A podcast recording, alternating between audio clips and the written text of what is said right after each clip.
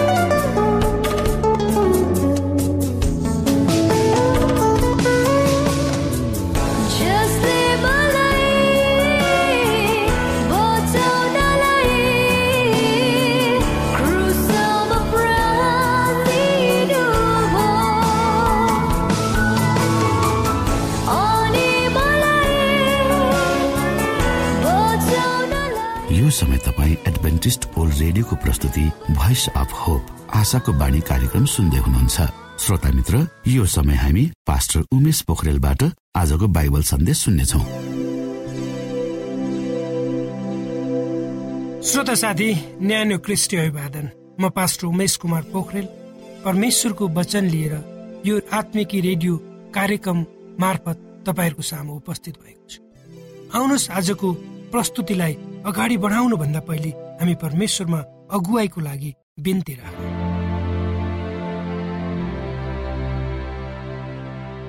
जीवित जुदो महान दयालु परमेश्वर प्रभु ईश्वर हामी धन्यवादी छौँ। यो जीवन यो जीवनमा दिनुभएका प्रशस्त आशिष। विशेष गरेर प्रभु तपाईँको पुत्र प्रभु यीशु क्रिस्टको लागि जो यो संसारमा आउनुभयो हाम्रो खातिर मर्नु तपाईँ कति महान हुनुहुन्छ प्रभु। यो रेडियो कार्यक्रमलाई प्रभु तपाईँले तपाईँको राज्य महिमाको प्रचारको लागि यो देश र संसारको कुना कुनामा पुऱ्याउनुहोस् सबै बिन्ती प्रभु यीशुको नाम आमेन।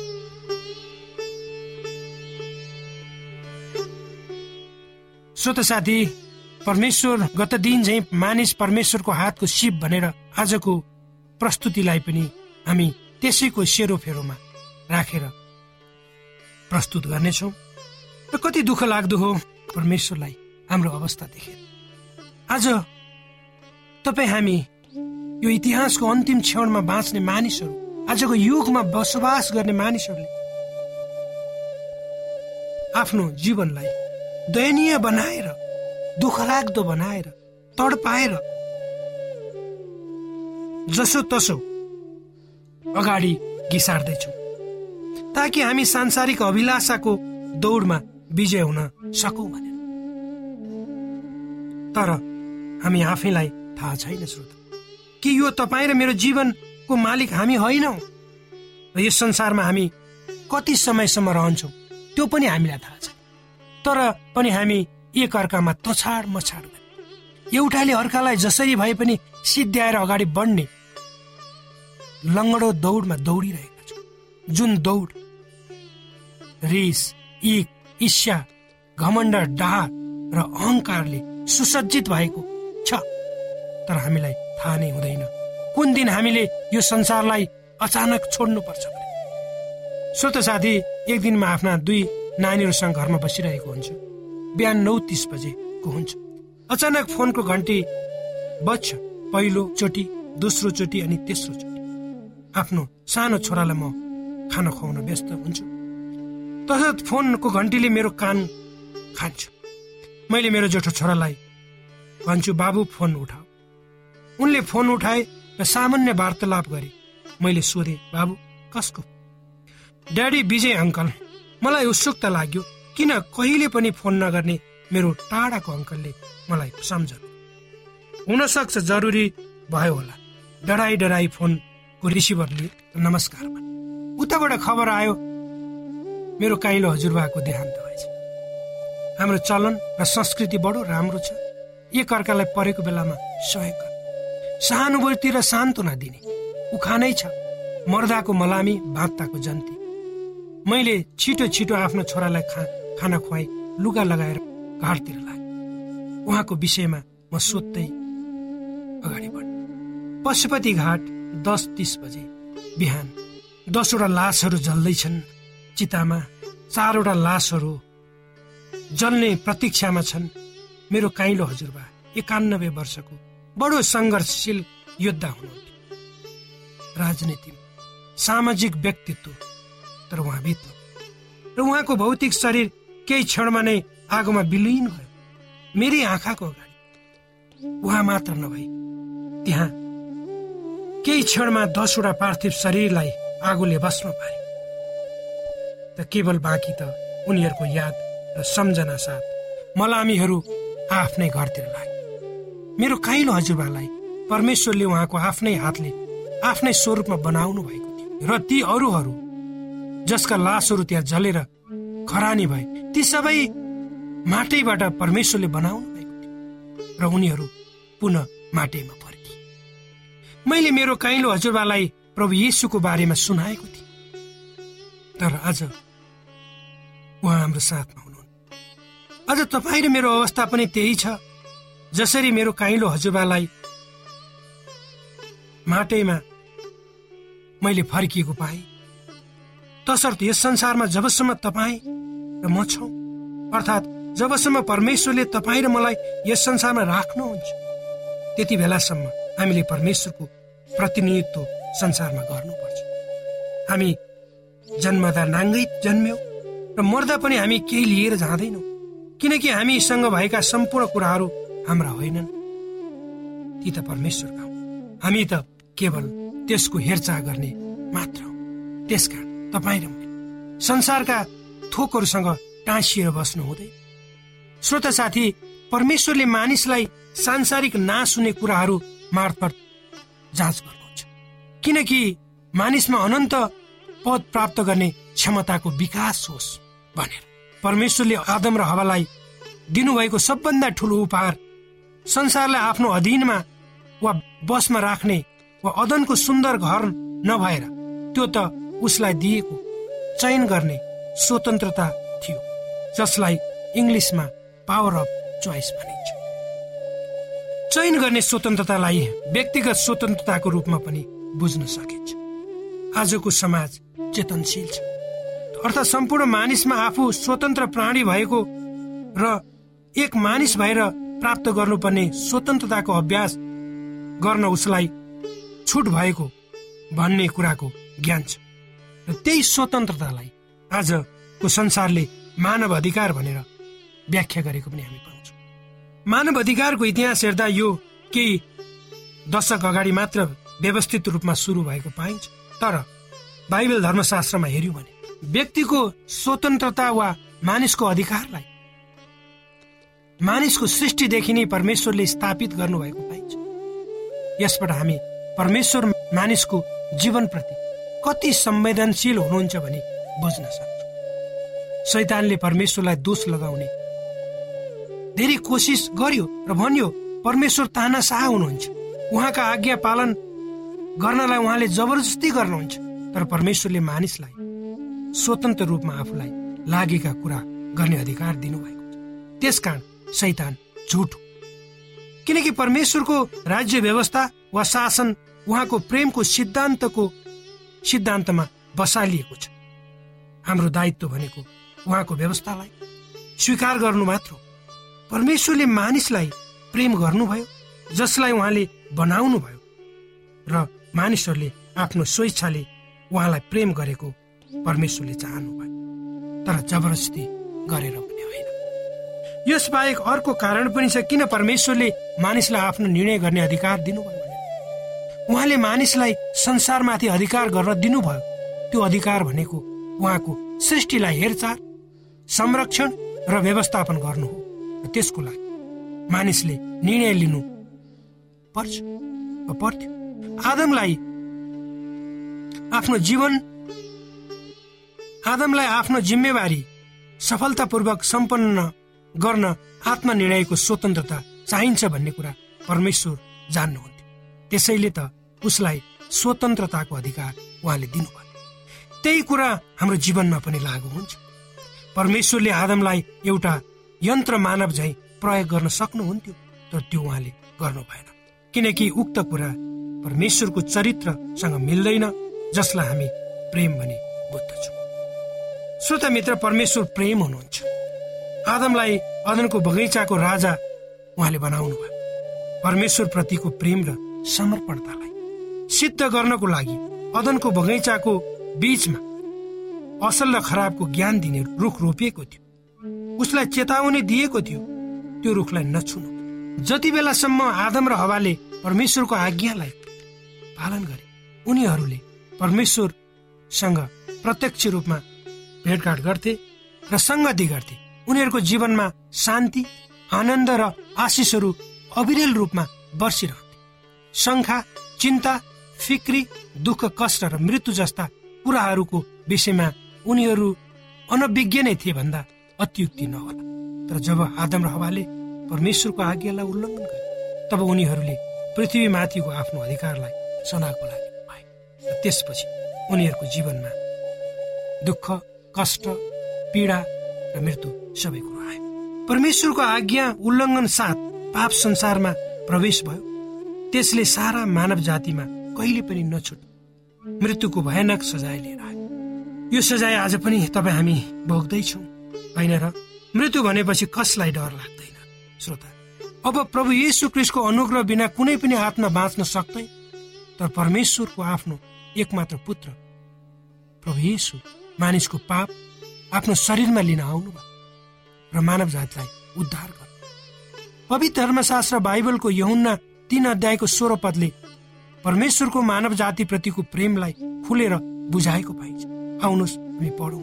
यहुन्ना तीन अध्यायको सोह्र। किनभने परमेश्वरले संसारलाई यस्तो प्रेम गर्नुभयो कि उहाँले आफ्ना एकमात्र पुत्र दिनु ताकि उहाँमाथि विश्वास गर्नु। कोही पनि नाच नहो तर त्यसले अनन्त जीवन। प्रभु येसुको क्रुसको मृत्युले कुनै पनि व्यक्तिको अनन्त जीवन वा मुक्तिको निश्चयता गर्दैन तर यसले अनन्त जीवनलाई चुन्नको लागि निश्चयता भने दिलाउँछ। र उक्त चुन्ने स्वतन्त्रतालाई सही रूपमा प्रयोग गर्न अभिप्रेरित पनि गर्दछ। यद्यपि कुनै व्यक्तिले परमेश्वरको अनुग्रह वा दयालाई नकार्न सक्छ तर यसुको बलिदानले प्रत्येक मानिसलाई समान अवसर प्रदान गर्दछ। त्यो हो उसको चुन्ने स्वतन्त्रता वा निर्णय गर्ने स्वतन्त्रता। ताकि कुनै पनि व्यक्तिले परमेश्वर पक्षपाती हुनुहुन्छ भने भन्न अथवा अनुभव गर्न नसकोस्। यदि कोही व्यक्ति आफ्नै कारणले अनन्तताको निम्ति मर्न चाहन्छ भने त्यसमा परमेश्वरको कुनै दोष रहँदैन श्रोता। किनकि सम्पूर्ण मानव जातिलाई परमेश्वरले उहाँका परमेश्वरी आँखाले समान रूपमा हेर्नुहुन्छ। चाहे तपाईँ र मैले जस्तो सुकै पाप वा निज काम किन नगरेका हौ। चाहे हामी जुनसुकै अवस्था वा परिस्थिति भएर किन गुज्रिएका न यी परमेश्वरका प्रेम र सत्यलाई बुझ्ने क्षमता तपाईँ र मलाई देउन् यही कुराको प्रार्थना म गर्दछु।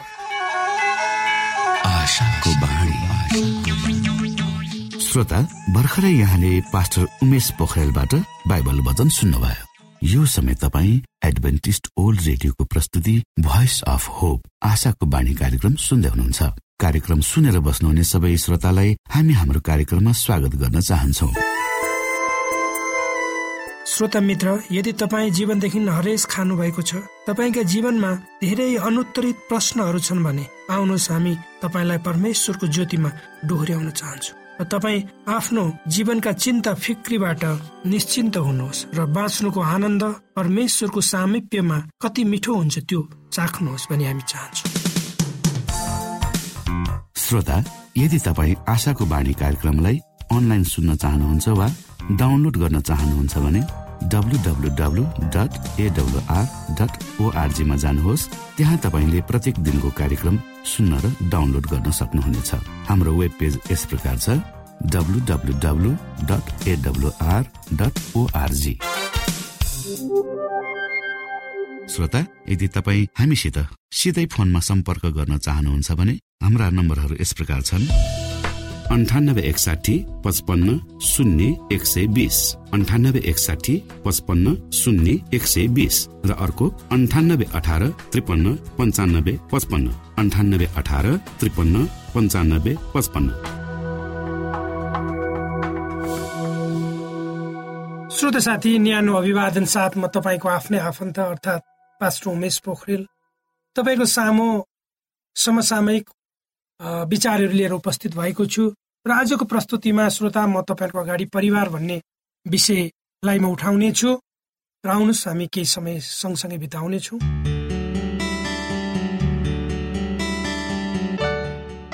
मानिस सामाजिक प्राणी हो श्रोता। त्यसकारण ऊ एक्लै बस्न सक्दैन। उसको जीवनयापनको निम्ति अरूहरूको सहायताको खाँचो उसलाई पर्छ। जसमा परिवार घर छिमेकी सबै कुराहरू पर्दछन्। त्यस खाँचोभित्र भौतिक आत्मिक तथा आध्यात्मिक खाँचोहरू पनि पर्दछन्। मानिस मानिस मिलेर परिवार परिवार परिवार मिलेर समाज अनि समाज समाज मिलेर एउटा राष्ट्रको निर्माण हुन्छ। श्रोता साथी मानिस मात्रै नभई जनावरहरूलाई पनि साथी वा परिवारको आवश्यकता पर्छ। हामीले देखेका छौँ जनावर पनि समूह बस्न रुचाउँछन्। जब उनीहरू आफ्ना साथी वा परिवार भेट्टाउँछन् तब आफूलाई सुरक्षित अनि खुसी महसुस गर्दछन्। ससाना चल्लाहरू पोथी माउसँग चारो खोज्ने क्रममा कुनै कुराले आक्रमण गर्दा त्यसको प्रतिकारमा माउले माउ जान्छ र आफ्ना पखेटा फिजाएर ससाना चल्लाहरूलाई लुकाउने गर्छ। यसरी उसले आफ्ना चल्लाहरूलाई शत्रुबाट जोगाउने गर्छ। श्रोता यी त भए जनावरका कुराहरू। एउटा मानिसको जीवनमा उसको परिवारको प्रत्यक्ष असर परेको हुन्छ। एउटा बालक भविष्यमा कस्तो हुनेछ भने उसको पारिवारिक पृष्ठभूमिले निर्धारण गर्छ भनेर भन्दा सायद अर्को अर्थ नलाग्ला। परिवारका सदस्यहरूको बानी बेहोरा खानपिन तथा क्रियाकलापले एउटा व्यक्तिको जीवनमा ठुलो सकारात्मक वा नकारात्मक प्रभाव पारेको हुन्छ। पवित्र धर्मशास्त्र बाइबलमा हेऱ्यौँ भने परमेश्वर स्वयंले परिवारको स्थापना गर्नुभएको कुरा हामी पाउँदछौँ। उहाँले मानिसलाई नर र नारी गरी बनाउनु भयो अर्थात् एउटा परिवार बनाउनु भयो अनि उनीहरूलाई पृथ्वीमा फल्दै फुल्दै वृद्धि हुँदै जाने आशिष दिनु। तसर्थ आज हामी जुन परिवारमा छौँ त्यो चाहिँ परमेश्वरबाट आशिष हो श्रोता। तर विडम्बना अहिलेको समयमा धेरै मानिसहरूले आफ्नो परिवारको उचित रेखदेख अनि व्यवस्थापन गर्न नसकेकोले परिवारहरू आशिषित नभई झगडाको थलो भएको पाइन्छ। एउटै परिवारमा बस्ने सदस्यहरूले आफ्नो तर्फबाट गर्नुपर्ने काम कर्तव्यहरू नगरेका हुनाले यस्ता घटनाहरू घट्ने क्रम बढेको हामी पाउँछौँ। परिवारमा बस्ने हरेक सदस्यले आफ्नो परिवारलाई सुखी बनाउन आफ्नो तर्फबाट उत्तिकै महत्वपूर्ण भूमिका निभाउनु पर्ने हुन्छ। कहिले काहीँ यस्तो नहुँदा परिवारमा ठुलो समस्या आइपर्छ। हामीले आफैले देखेका छौँ वा भोगेका छौँ वा सुनेका छौँ श्रोता। विशेष गरेर अहिलेका आधुनिक परिवारमा एउटा परिवारको सदस्यले अथवा आमा बाबुले आफ्नो परिवारलाई पर्याप्त समय नदिन नसकेको कारण थुप्रै समस्याहरू आइपरेको हामी पाउँछौँ। घरको बुबा बिहानै उठेर काममा जाने अनि एकैचोटि राति अबेला घर फर्किने कारण परिवारका अन्य सदस्यहरूको के समस्या छ भनी समय सोध्न नभ्याउँदा परिवार नै विखण्डन भएको थुप्रै उदाहरणहरू प्रशस्त मात्रामा देख्न पाइन्छ।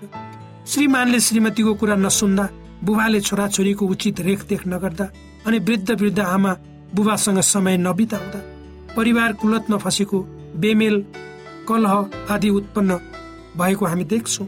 पैसाले मात्र परिवारका सदस्यहरूलाई खुसी तुल्याउन नसकिने हुनाले परिवारका सदस्यहरूसँग समय बिताउनु एकदमै आवश्यक छ। त्यसै गरी परिवारको कुनै सदस्यहरूले कुनै बेला गल्ती गरेको कुरालाई क्षमा दिन नसक्नु एउटा परिवार भित्रको ठुलो चुनौतीको रूपमा देखिन्छ। धेरै पहिले गरेको गल्तीलाई सम्झेर परिवारको एउटा सदस्यले अर्को सदस्यलाई विश्वास गर्न नसक्नु परिवारभित्रको एउटा ठुलो समस्या हो। तसर्थ परिवार भित्र क्षमा लेनदेन अनि विश्वासको वातावरण बनाइराख्नु एकदमै असल हुन्छ। श्रोता अहिलेको आधुनिक समाजको अर्को ठुलो चुनौती भनेको जेनेरेसन ग्याप हो। अर्थात् परिवारका एउटा सदस्यले गरेको कुरा अरूलाई मन नपर्नु अथवा त्यो कुरालाई स्वीकार गर्न नसक्नु समय परिवर्तनशील छ। दिन प्रतिदिन नयाँ नयाँ कुराहरूको आविष्कार हुँदै गएका छन्। प्रविधिले ठुलो फड्को मारेको छ। कतिचोटि परिवारका छोरा छोरीहरू आधुनिक तरिकाले जिउन चाहिरहेका हुन्छन् तर ती कुराहरू आमा बुबाले नपचाउँदा पचाउन नसकेको अवस्थामा ठुलो समस्या आइपरेको छ। यसमा दुई खालका अवस्थाहरू हुने गर्छन्। कतिचोटि छोरा छोरीहरू आधुनिकताका नाममा नचाहिँदो कुराहरूमा अल्झिरहेका हुन्छन् अनि ती कुराहरूका विषयमा आमा बुबाले सचेत गराउँदा छोरा छोरीहरू तथा आमा बुबाहरूको बीचमा मतभेद हुने गर्दछ। अनि कतिचोटि छोराछोरीहरूले विभिन्न आधुनिक सामानहरूको सही प्रयोग गरिरहँदा पनि अभिभावकले नचाहिँदो रूपमा हस्तक्षेप गर्न खोज्दा परिवारमा समस्या हुने गर्दछ। तसर्थ यी कुराहरूलाई हामीले मिलाउन सक्नुपर्छ अनि मात्र एउटा असल परिवारको परिकल्पना गर्न सकिन्छ।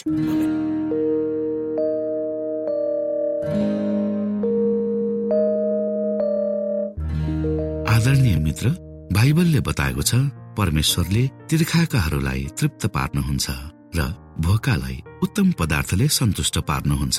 हामीलाई दिइएको यो छोटो समय आशाको बाणीको प्रस्तुतिको समयमा हामीले हाम्रा श्रोताको आत्मिक भोकलाई केही मात्रामा भए तापनि सही प्रकारको खोराक पस्केर आत्मिक सन्तुष्टि दिन सकेका छौँ केही ऊर्जा थप्न सकेका छौँ भनेर हामीले आशा राखेका छौँ। आफ्ना मनमा भएका केही दुविधा र शङ्काहरू छन् भने अवश्य हामीसँग बाँडेर शङ्काको निवारण गर्नुहुनेछ र सही प्रकारको बाटो पहिलाउन सक्नुहुनेछ परमेश्वरको सच्चाइले अझ राम्रो बुझ्न सक्नुहुनेछ र आफ्नो जीवनलाई परमेश्वरमा पूर्ण समर्पित भएर समर्पण सहितको जीवन बिताउन सक्नुहुनेछ भनेर आशा राख्दै अब हामी हाम्रो कार्यक्रम सकिएको जानकारी यहाँलाई गराउन चाहन्छौ। जानुभन्दा अगाडि श्रोता हामी यहाँलाई हाम्रो ठेगानाको विषयमा जानकारी गरौं। हामीसँग पत्राचार गर्ने हाम्रो ठेगाना यस प्रकार छ। आशाको बाणी पोस्ट बक्स नम्बर दुई शून्य शून्य शून्य दुई काठमाडौँ नेपाल। आशाको बाणी पोस्ट बक्स नम्बर दुई शून्य शून्य शून्य दुई काठमाडौँ नेपाल। यसै गरी श्रोता यदि तपाईँ हामीसँग सिधै कुराकानी गर्न चाहनुहुन्छ भने हाम्रो फोन नम्बर यस प्रकार छ। अन्ठानब्बे एकसाठी पचपन्न शून्य एक सय बिस। अन्ठानब्बे एकसाठी पचपन्न शून्य एक सय बिस र अर्को अन्ठानब्बे अठार त्रिपन्न पन्चानब्बे पचपन्न। अन्ठानब्बे अठार त्रिपन्न पन्चानब्बे पचपन्न। हामीलाई इमेल पनि गर्न सक्नुहुन्छ। हाम्रो इमेल एड्रेस यस प्रकार छ Nepal at AWR dot ORG Nepal at AWR dot ORG यदि तपाईँ हामीलाई अनलाइन सुन्न चाहनुहुन्छ वा डाउनलोड गर्न चाहनुहुन्छ भने तपाईँ डब्लु डट एडब्लुआर डट ओआरजीमा जानुहोस् र त्यहाँ तपाईँले हाम्रा सबै कार्यक्रमहरू सुन्न सक्नुहुनेछ। हाम्रो वेब पेज यस प्रकार छ W dot AWR dot ORG श्रोता यसमा गएर तपाईँले हाम्रा दैनिक कार्यक्रमलाई सुन्न सक्नुहुनेछ र डाउनलोड पनि गर्न सक्नुहुनेछ।